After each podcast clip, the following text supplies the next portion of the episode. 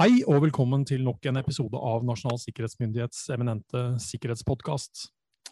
Mitt navn er Roar Thon, og til daglig er jeg da fagdirektør sikkerhetskultur i NSM.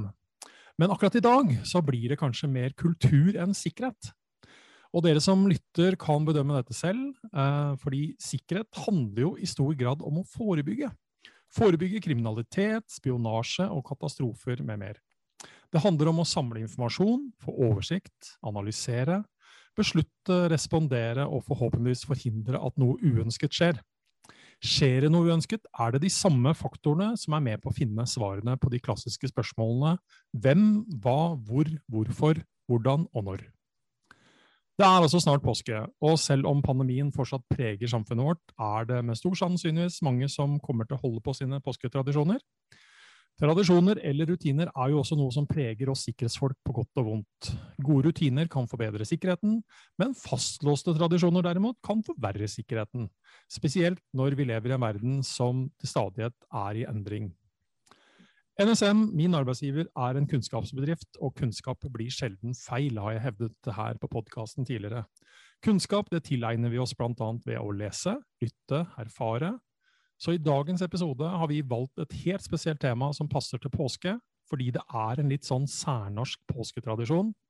Vi skal altså snakke om kriminalitet i litterær forstand. Påskekrimmen, rett og slett. Og vi skal dreie dette videre inn i spionsjangeren, eller som jeg kaller det, faglitteratur. Uansett får du kanskje noen tips til hva du kan lese, lytte eller se på i påsken. Og det har jeg på ingen måte tenkt å gjøre aleine. Så jeg har invitert meg med min gode venn og nestor i det kriminallitterære miljøet, Nils Nordberg. Nils er tidligere instruktør i NRK Radioteatret og ekspert på kriminallitteratur. Nils er kan mag i språk og litteratur og folkeminnevitenskap, og arbeidet i NRK som alt fra hallomann og programskaper fra 1966 og fram til 2009, da han gikk av for aldersgrensa, han har vært dramaturg, produsent og regissør i Radioteatret, og han var sjef for Radioteatret i 1990 til 1991. Han har også virket som dramatiker, faglitterær forfatter, anmelder og konsulent for forlag og film. Han er altså omtalt som Norges fremste spesialist på kriminallitteratur. Han har vært president i det norske krimakademiet Riverdon-klubben. Han har også vært regissør på kriminalhørespillene Strengt hemmelig og Strengt hemmelig veien inn, som faktisk ble produsert av DSS i samarbeid med både PST og NSM. Og den siste serien den ligger fortsatt tilgjengelig blant våre podkastepisoder, og ble bl.a. sendt i fjor påske. Det er mye jeg kunne ha nevnt om deg, Nils, men først og fremst velkommen til NSMs påskestudio. Ja, takk skal du ha. Jeg skulle nesten si at jeg er vel da i Radioteatrets studio for mystikk og mørke gjerninger. Ikke sant? Men, eh, det er en stund men, siden nå. Men her sitter vi også da på hvert vårt hjemmekontor når vi holder denne samtalen. Ja, det gjør vi. Men vi går da altså inn mot påske. Hvor kommer denne tradisjonen med påskekrim fra?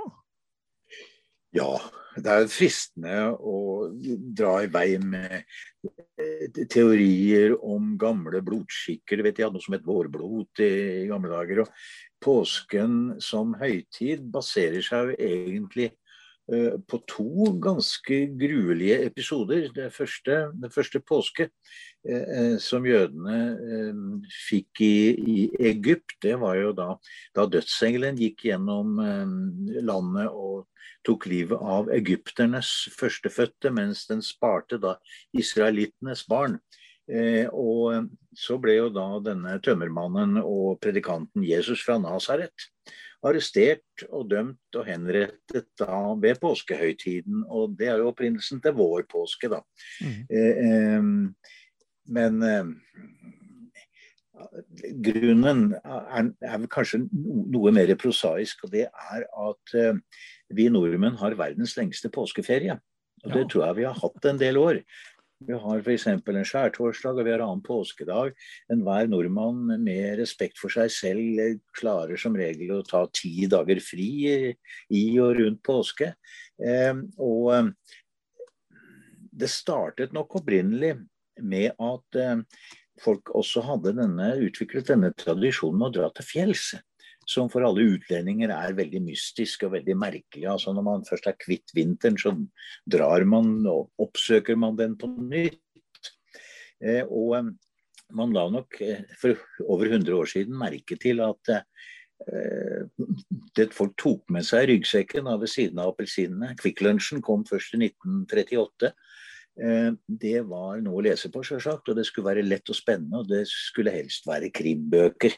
Ja. Eh, og krimbøkene kom jo også ut heftet, ikke sant. Det var ikke noe man satte i hylla hjemme for å eh, hva skal vi si, vise fram sin litterære smak. Man lot dem ligge igjen på hytta. Så der har på norske hytter har ligget skatter av gammel norsk krimlitteratur og hensmuldret, tror jeg, i årenes løp.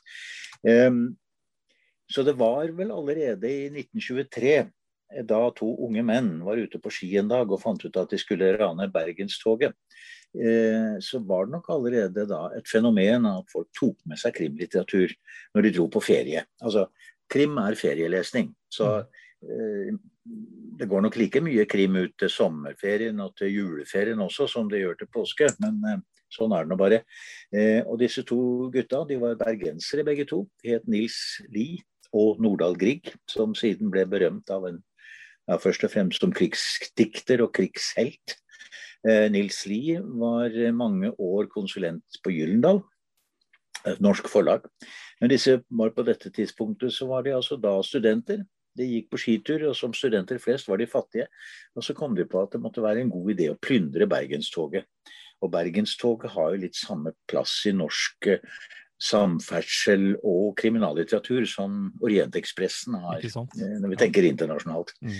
Eh, men så fant de også ut at det å begå dette ranet på ordentlig, det ville være for risikabelt. Så de skrev en bok om det i stedet. Og den sendte de til eh, Nordahl Griegs bror Harald Grieg, som var sjef i Gyllendal Norsk Forlag. Eh, det var han som brakte de fire store hjem til Norge, bl.a. Han var jo en mektig mann. Eh, og de kalte boka 'Bergenstoget plyndret i natt'. Eh, og Harald Grieg sa at ja, han var villig til å ta den. Det handlet altså, Denne boka handler jo om unge studenter som plyndrer Bergenstoget og kommer seg unna med bytte. Bl.a. ved å løpe på ski fra, fra der oppe på 1222 er det Geilo. Det høyeste punktet på Bergensbanen. Eh, I hvert fall spenner de på seg skia, og så løper de fra forfølgerne. Eh, og eh, Harald Grieg hadde egentlig bare én betingelse, og det var at de måtte betale tilbake ransbyttet. Og de sa at nei, men det går ikke. Det er jo alt brukt opp. Ja, spilte ingen rolle. Han skulle gi ut boka, men pengene måtte betales tilbake, og det var det. Og så måtte da jeg, Nils Lie, som har fortalt om dette her, han skrev da et siste kapittel hvor en av studentene drar til Monte Carlo, sprenger banken og kommer hjem med en pengesum tilsvarende det som de har stjålet. Og Så ble boka antatt, og så ble den eh, reklamert for på forhånd ved at Harald Grieg kjøpte annonseplass rett under headingen til avisa. Det sto Aftenposten øverst, ikke sant. Under sto det 'Bergenstoget plyndret i natt'. Og dette så jo alle. Wow, hva er dette for en nyhet? Det så ut som det, nemlig som en overskrift. Altså med små bokstaver sto det eh, pris kroner 250. Eh, og denne, denne, denne, reklamekampanjen fungerte fortreffelig. Hele opplaget ble solgt ut i god tid før påske. Eh, og eh, jeg tror nok det at denne boka der, med sin setting også, den, den foregår jo i påsken i tillegg. Den, og den foregår et år, og det var vel 1923 faktisk, hvor første påskedag og 1. april faller sammen. Med andre ord, når nyheten da gikk ut 1. april, vi slo til altså påskeaften av natta til 1. april. Når nyheten gikk ut dagen etter, så ville alle tro umiddelbart at det var en påske... Var sånn, hva heter det? Aprilsnarr. Ja. Eh, aprilsnarr. Ja. ja, ja. Eh, og ingen ville tro på det i første omgang, og det ville gi dem et ekstra forsprang. da. Eh, og, og, Det ble ikke noen flere krimbøker fra Nils Lie og Nordahl Grieg, Jonathan Jerv som de kalte seg. Men boka ble filma i 1928 en tysk eh, regissør som dro opp til Norge og filma bl.a. svimlende hopp fra Holmenkollen og veldig mye og, og gasse seg der, med, og med en norsk kvinnelig skuespiller som het Aud Richter. Hun var gift med en tysk skuespiller, Georg Richter, og han var også med der, som var det unge paret. da.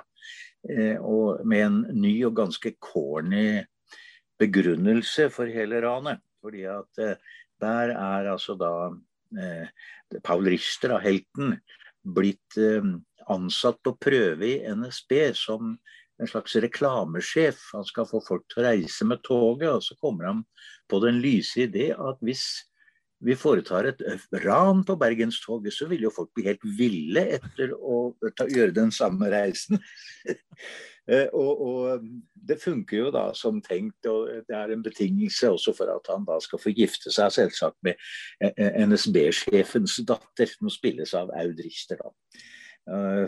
Litt av en sak. Men jeg, jeg tror vel at eh, Bergenstoget plyndret i natt både som bok og film da på en måte etablerte denne påskekrimmen for alvor som en tung tradisjon. og i 1941 eh, da utga André Bjerke, alias Bernhard Borge, ut en bok som heter 'Nattmenneske'.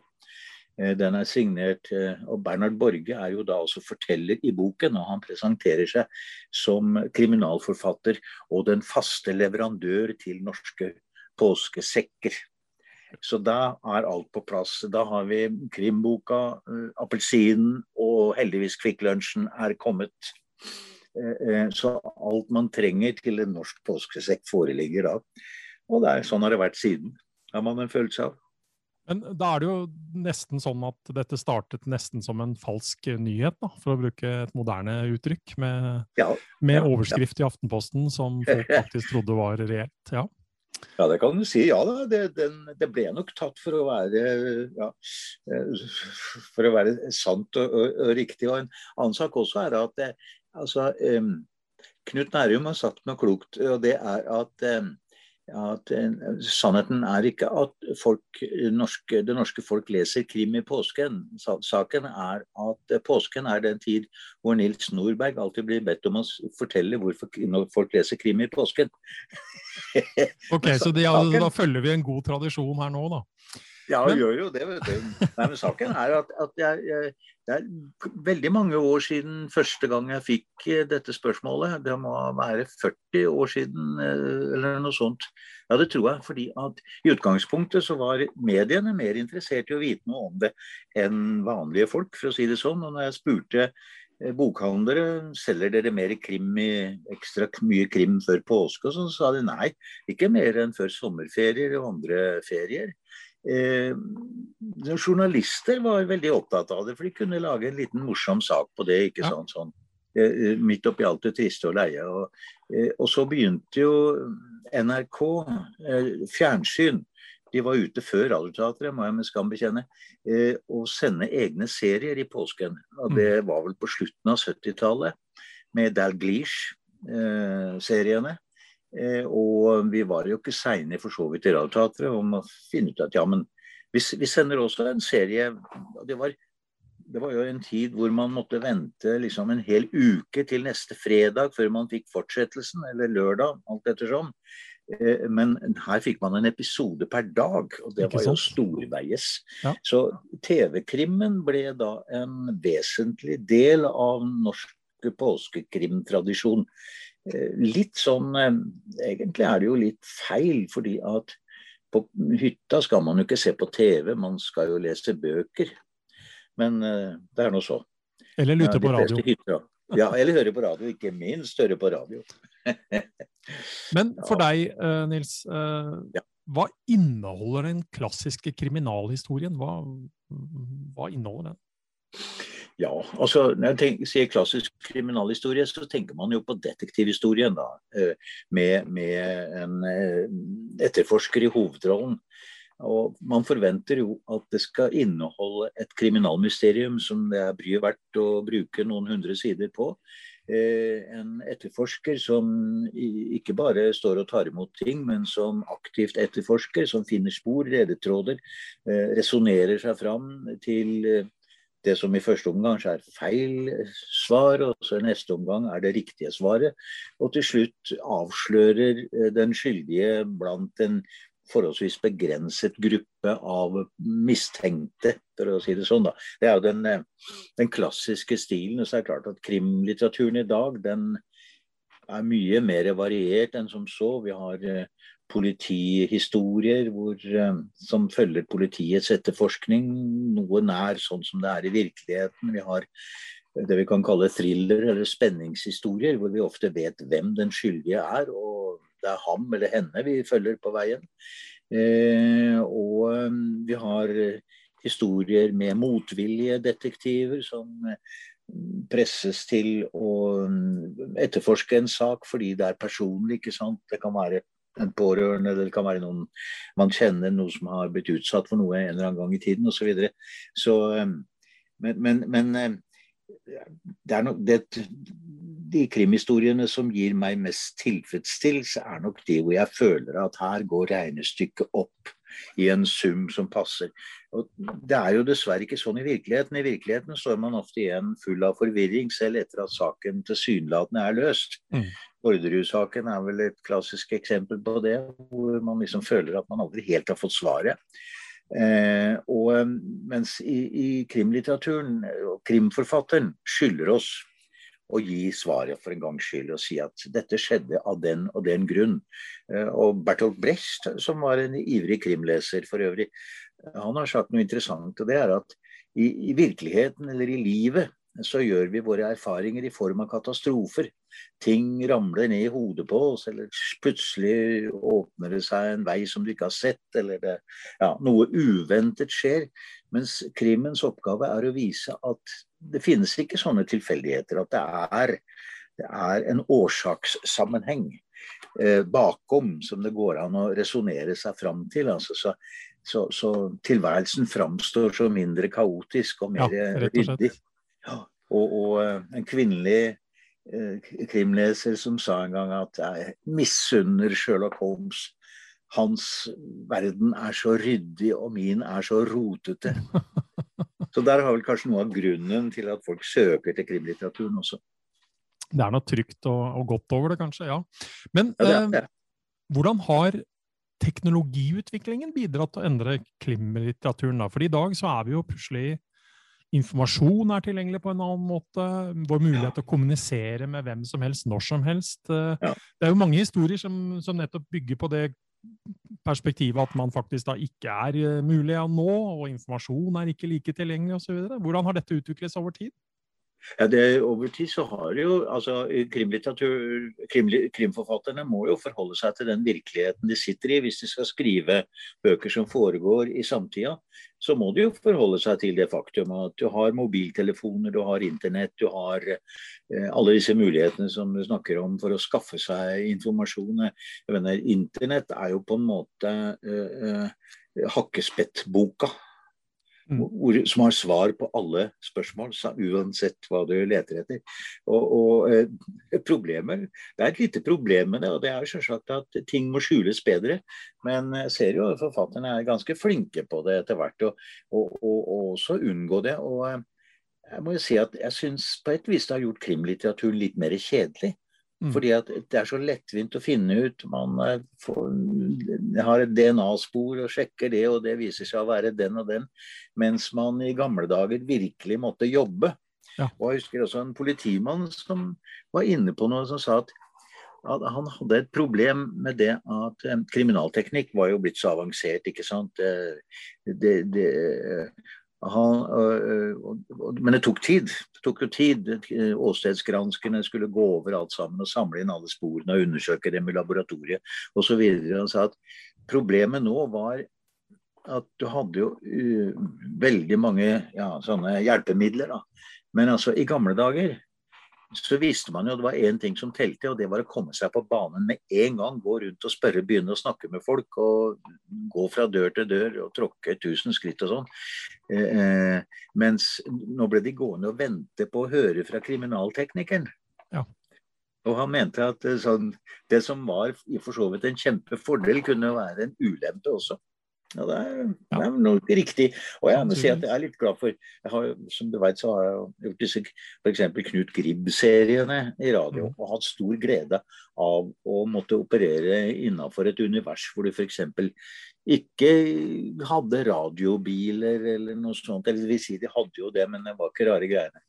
Og Skulle du ha kontakt med hovedpolitistasjonen, så måtte du til nærme, gå til nærmeste signaltelefon, ja. som det sto overalt i byen, og ringe dit. Og så kom du enten til brannvesenet eller til politiet.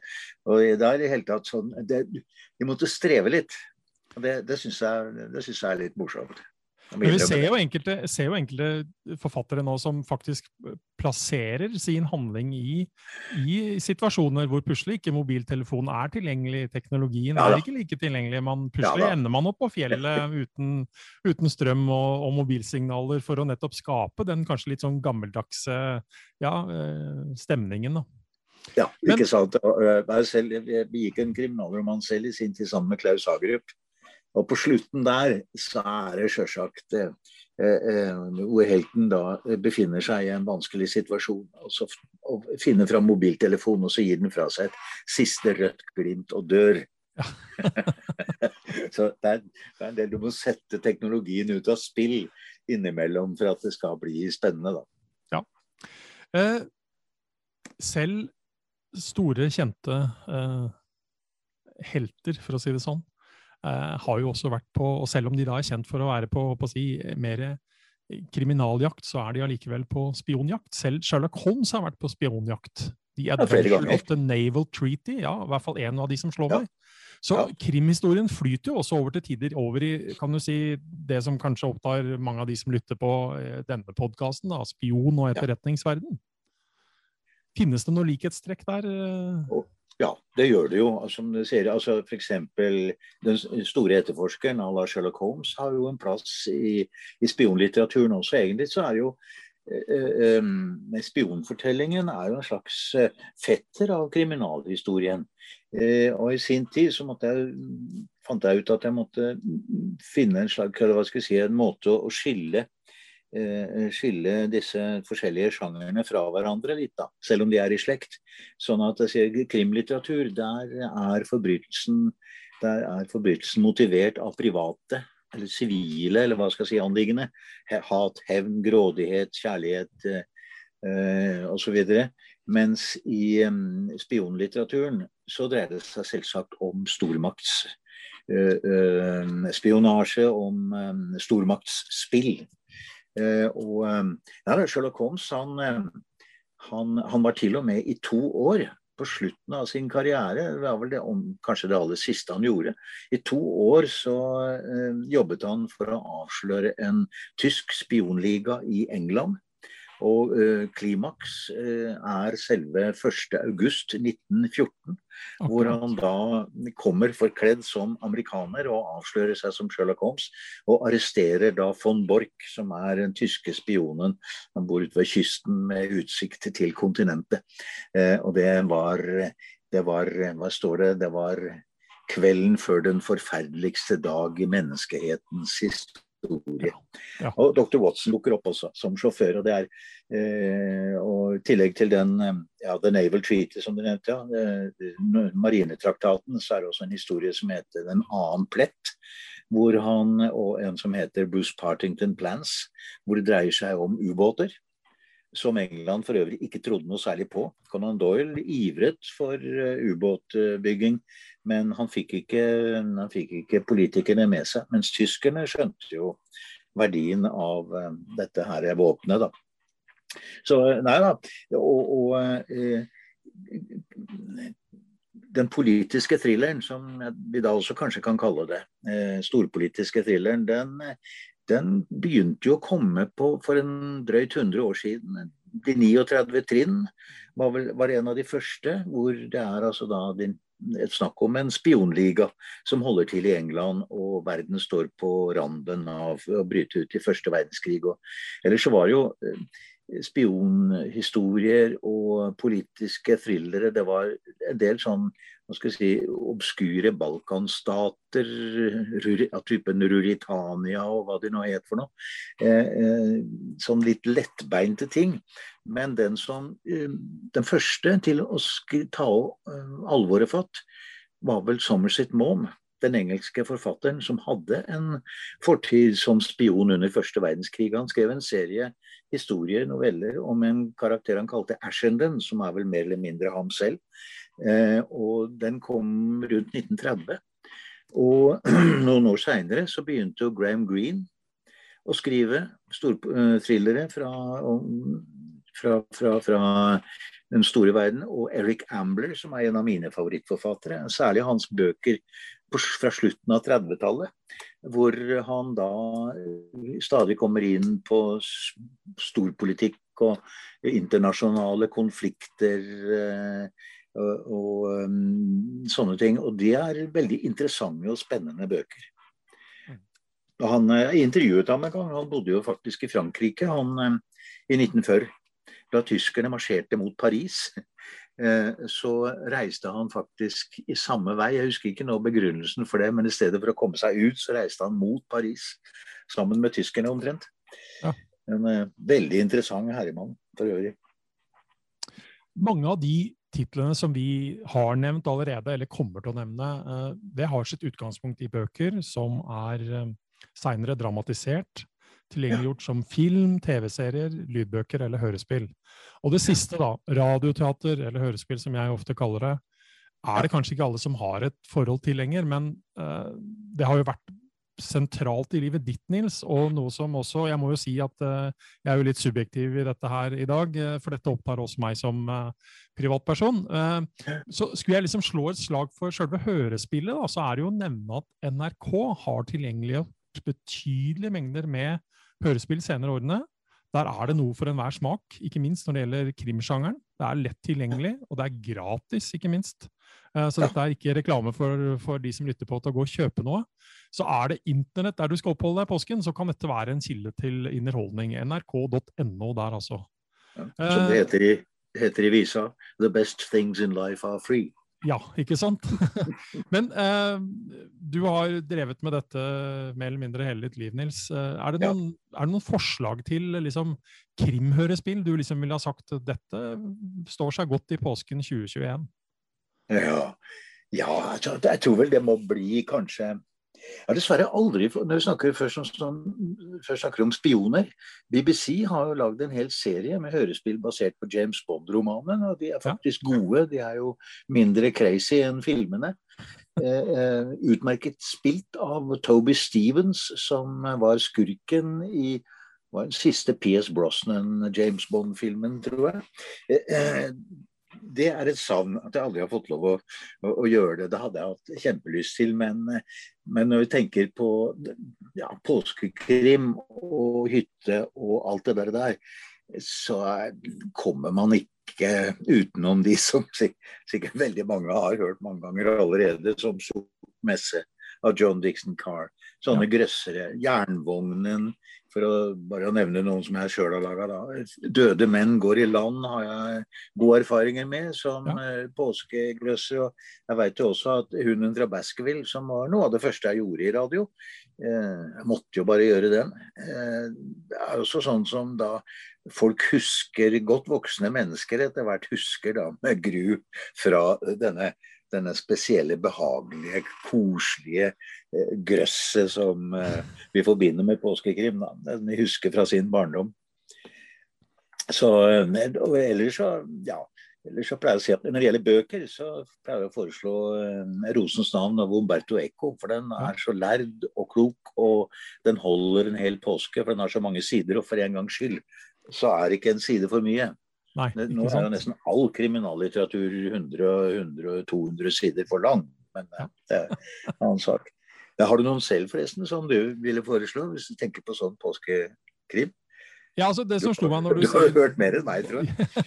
Døde menn går i land, så er det jo faktisk lagd en litt sånn, altså, hva skal man kalle det, krimhumor slash påske. Eh, ja, ja. Døde menn eh, går på ski av eh, ja. Knut Nærum, som faktisk beskriver litt den moderne situasjonen å sette, sette, en gruppe mennesker på fjellet uten mobildekning, og så begynner det å skje ting. Ja. Men, ja, den er morsom, den. Og, da vi spilte den inn, så husker jeg at vi, vi hvor, hvor, hvor, tydelig skal vi gjøre dette at det er en slags parodi? Ja. Så kom vi til at nei, vi gjør det på ramme alvor. Det er da det blir morsomt. Da, som med Gribb også. At, at når, når, vi, når, vi, spilte det på ramme alvor, det var da det fikk liksom også den humoristiske siden fram. Eller så, eh, For å komme liksom inn i denne mer sånn thriller- og spionsjangeren, så, så, har jo jeg veldig mange jeg syns man bør sjekke ut. da. Ja. Og det er jo bl.a. Den norske spionen. Som, altså med tittelen 'Spion', som går tilbake fra kald krig, som ligger som radioteater, og selvsagt også som, som bok. Ja, ja. Evig natt. Og det, det, var jo så snodig, fordi at eh, det var jo en eh, det var jo en sak som minnet om Treholt-saken. Jeg husker jeg spurte forfatteren om hadde du noen sånn tips eller nyss om at de, hva som var på ferde. Og de svor på at nei, det hadde han ikke. Han var jo ellers en, en mann som hadde klare, gode forbindelser i politiet og litt rundt om. i Michael Grunnspang. Mm. Ja, for den kom altså ut før Treholt-saken? Uh ja. kom, for å si det sånn? Ja, den gjorde det. Ja. Akkurat. Ja. Og, og, det er også at den, eh, han som blir avslørt som muldvarpen i boken, er liksom det stikk motsatte av Treholt. Jeg er en som blir mistenkt, og han minner for så vidt om Treholt, en yngre kar. Men eh, han som avsløres, er jo en eldre byråsjef eller noe i den retningen, så vidt jeg husker. Og, og, og det er såpass hva skal jeg si, påfallende forskjellig fra Treholt at man tenker at her har eh, forfatteren visst noe, men har måttet uh, dekke det til. Men nei, han svor på at han, han, han ikke hadde noen, noen egne eller noen nyss eller tips. Så... Livet er, som du sa i stad, egentlig kanskje fullt av tilfeldigheter og ikke så strukturert som, som, det det finnes i romanen. Ja, det er jo det. Men når det gjelder, eh, liksom, eh, igjen for å holde oss i hørespilldelen her, da, og igjen, mye av dette ja. er jo tilgjengelig på andre måter òg, eh, ja. noe som både er påskekrim og sikkerhetsrelatert. Eh, Altså, Vi i NSM sammen med E-tjenesten og Politiets sikkerhetstjeneste vi er jo i disse dager veldig opptatt av det vi kaller sammensatte trusler, påvirkningsoperasjoner, falske nyheter. Og deepfake ja, ja. er jo også et begrep hvor man forfalsker både videoer og stemmer for å få folk til å tro at de lytter på noen helt andre. Og der mm. dukker det opp en veldig morsom, eh, syns jeg, da, eh, sak. Og det er en uh, fiktiv historie som du har resertert som radioteater. En Knut Gribb-historie som heter 'Sfærenes musikk'. Ja, ja. Av Terje Embeland og Bernt uh, Rugtvedt. Og du hadde regien. Husker du hva den handler om, Nils? Ja da, jeg husker veldig godt det. Det er jo et forsøk på, på, på å kuppe eh, Norge på forhånd eh, den 8. eller natta til 9. april 1940 ved å sende ut en falsk nyhetssending hvor et, en person som da framstår som kong Haakon, befaler eh, Norge å overgi seg. og Dette blir forpurret av Knut Gribb og Harald Brede. Men det er klart at de, de, kunne jo ikke stoppe selve invasjonen, for den var jo i gang. Nei, Nei men, men, den går rett i kjernen av litt av det vi faktisk da i disse dager snakker om, og er bekymret over. At man i krisesituasjoner uh, lytter på ting. Ja, det er en og, ja. veldig morsom sak. og, og uh, Det er et populært radioprogram da, som blir utnyttet på den måten, hvor de også da har en konkurranse om beste imitator. Hvem er best på å imitere den og den kjente ja, statsministeren, ja. eller altså, så finner de en som kan illudere som kong Haakon. Ikke sant? Og, og, og, og eh, Nei da, det, det eh, de er jo begge to, eh, begge gutta, Embeland og Rugtvedt, er jo, eller var Rugtvedt er død, dessverre. Men Terje Embeland lever i beste velgående og jobber på Holocaust-senteret og har utrolig peiling på den perioden i norsk historie. Så mm si at om historien ikke er sann, så er den i hvert fall godt funnet på. Ikke sant? ja. eh, en annen kuriositet jeg har kommet over, og som, eh, som, også, som ligger litt av den samme sjangeren, det er noe som, Dette er et rent hørespill, den eksisterer ikke i andre former. Eh, men den heter 'Påskekuppet' og er fra 1966, skrevet ja. av Arild Fellborg. Ja. Og det er en fantastisk humoristisk beskrivelse av hvordan noen få kreative mennesker med fysisk tilgang til statsministerens kontor og de kjeder seg litt. De begår statskupp i Norge. Mm. Eh, og så hvis man virkelig vil uh, igjen uh, høre med litt humoristiske øyne på hvordan uh, oppskriften på det kan være i en påske, så påskekuppet på nrk.no kan man søke etter. Ja, det, det. Ellers så er det jo en del nyere produksjoner som tar for seg mer samtiden. Da. ja da. Og spesielt et styrke som heter Kirkenes av Carl Henrik Grøndal, eh, som mm. absolutt tar for seg storpolitikken mellom Norge og Russland. Ja. Uh, og ikke minst uh, etterretningsaktivitet knytta til det. Uh, et stykke som heter Made in Norway av Vegard Steiro Amundsen, som tar for seg bl.a. norsk våpensalg og intriger rundt det. og stykket Det fikk jo en pris i fjor. Ja.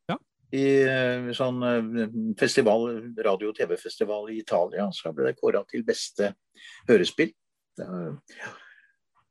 Det, siste var eh, nå var vel fjorårets eh, påskekrim, eller året før der, hvis jeg ikke husker feil. 'Isblind' eh, av Knut Nærum, som i realiteten tar for seg storpolitikk i Arktis. Så ja. her er det, det er masse kilder, og jeg kan ikke understreke godt nok. Dette er altså ting som er tilgjengelig på nett hvis man, hvis man skulle ha lyst. Eh, så vil ja. ja unnskyld. det er en serie jeg vil anbefale, selvsagt. Og den er også sånn som varer hele påska. Og det er historien om Gottlob. Ja. Av Torolf Elster.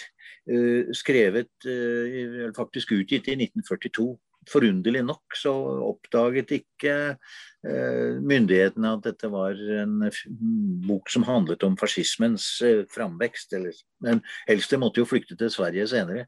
Men det er en beskrivelse av situasjonen i Europa på 30-tallet med politiske flyktninger, med hemmelige organisasjoner som opererer, og i det hele tatt sånn, som, som et bilde eller en historie om den tiden, så er den veldig bra.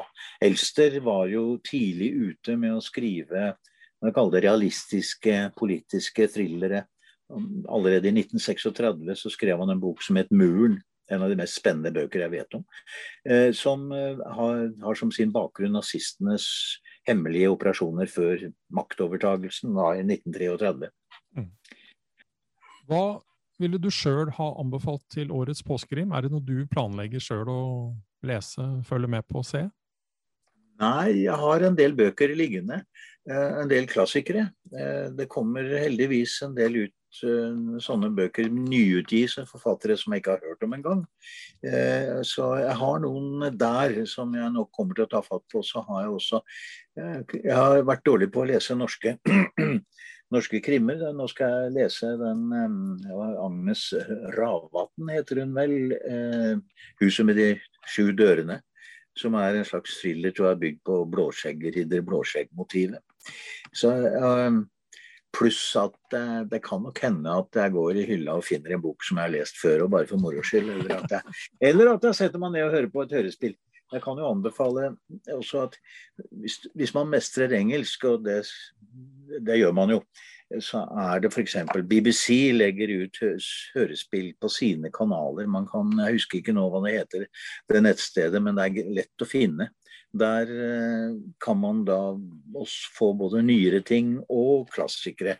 Til og med gamle Paul Temple-serier eh, finnes det der, som man kan eh, nyte. da. Det er de, de, som NRK laget, eh, de ble jo borte. Dvs. Si det er vel én igjen, da.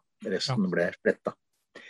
Og Hvis man da vil holde seg i spionsjangeren, så er det uten tvil å sjekke ut BBCs eh, dramatiseringer av John Le Carrés eh, eh, fantastiske ja. historier knytta til eh, kald ja. krig og spionasje ja. som sådan. De har gjort de har gjort alle Smiley-bøkene fra ende til annen. Enten han spiller en stor eller liten rolle, inklusiv spionen som kom inn fra kulden. Mm. Og um, hvis man går på nettet der, så kan man være heldig kanskje at det ligger noen av James Bond-dramatiseringene deres der også. Ja. You Only Live Twice var vel en av de som er nylig så. I dagens mm. samfunn så er det jo også fullt mulig å sjekke ut noen av disse titlene på alt fra tjenester som Netflix og andre ting, for å se om det også ligger som, som filmatiseringer av noe av disse tingene, selvsagt. Jeg har én bok jeg, som jeg skal gjennom i påsken, og det er en helt ny bok av en norsk forfatter som heter Grete Bø, som har uh, skrevet boken 'Mayday'. Uh, og Det er rett og slett ja. en norsk jagerpilot som uh, må, må krasjlande, for å si det sånn. Mm. Og dette får storpolitiske følger. Jeg har ikke lest mer enn det, men jeg gleder mm. meg til å sette meg ned med den. Men det er jo Jeg nevnte jo Du sa, snakket opprinnelig om at boka skulle med i påskesekken på tur. Og det var jo en litt annen tid enn hva kanskje de norske hyttene var utstyrt, utstyrt med da. Eh, I dag så er det vel de aller fleste hytter har vel, må vel sies å ha en slik standard at man har tilgang til både internett og radio og TV. Ja, um, har du det. Er det noen, er det noen krimserier du, på TV som du uh, tenker du skal få med deg i år? Ja, uh, der ligger jeg på etterskudd. Uh, F.eks. Le Byrå. Ja. Som jeg har begynt på, men så har det liksom kommet andre ting innimellom. Så der har jeg tenkt å gjøre et skikkelig løft. Den, den, var, den var, veldig spennende. Og utover det, så ja. Jeg har sett ja, nå i disse koronatider, som det heter, så får man jo sett en del eh, eh som Ja, får binga litt grann, da, forskjellige ja, serier. Så har jeg sett en, en, del der. Jeg tror Le, Le Byrå står som nummer én. Ja. Og så får vi se da hva som ellers eh, tilbys. Og Le Bureau er jo en serie vi har i hvert fall vært innom og nevnt i podkasten tidligere. Eh, eh, sammen med den amerikanske, kanskje litt mer actionpreget serien The Americans. Eh, så hvis man da allerede ikke har runda noen av disse tingene, så kan det være et godt tips. Og så er det sånn sett å følge med på hva som måtte dukke opp. Eh, vi lider vel sannsynligvis ikke av mangel på tilbud for å eh, grave oss ned i om det skulle være krimlitteratur eller, eller spionsjanger i påsken som, som kommer. Uh, jeg takker for en uh, hyggelig samtale, jeg, Nils. Uh, om uh, mange, i hvert fall sett med mine øyne og øre, interessante ting. Jeg håper at det har gitt noen tips til, til dere som lytter på, på ting som dere kan tenke litt over på om dere skal ha med dere, eller rett og slett bare gå løs på om dere sitter hjemme, eller om dere er på hytta, eller hvor dere måtte, måtte finne dere. Så jeg ønsker deg, Nils, takk for bidraget. Ønsker deg en riktig god påske. Og så skal jeg også ønske alle som lytter på, en riktig god påske. Og så skal jeg minne faktisk på at vi i påskeuka eh, Det blir vel da faktisk torsdag 1. april, så det er ingen aprilsnarr. Men da skal eh, jeg og Jørgen faktisk eh, snakke om de digitale fjellvettreglene, som det kan være lurt å tenke på. Ikke bare i påsken, men ellers i året. Så da sier jeg riktig god påske og sier takk for oss.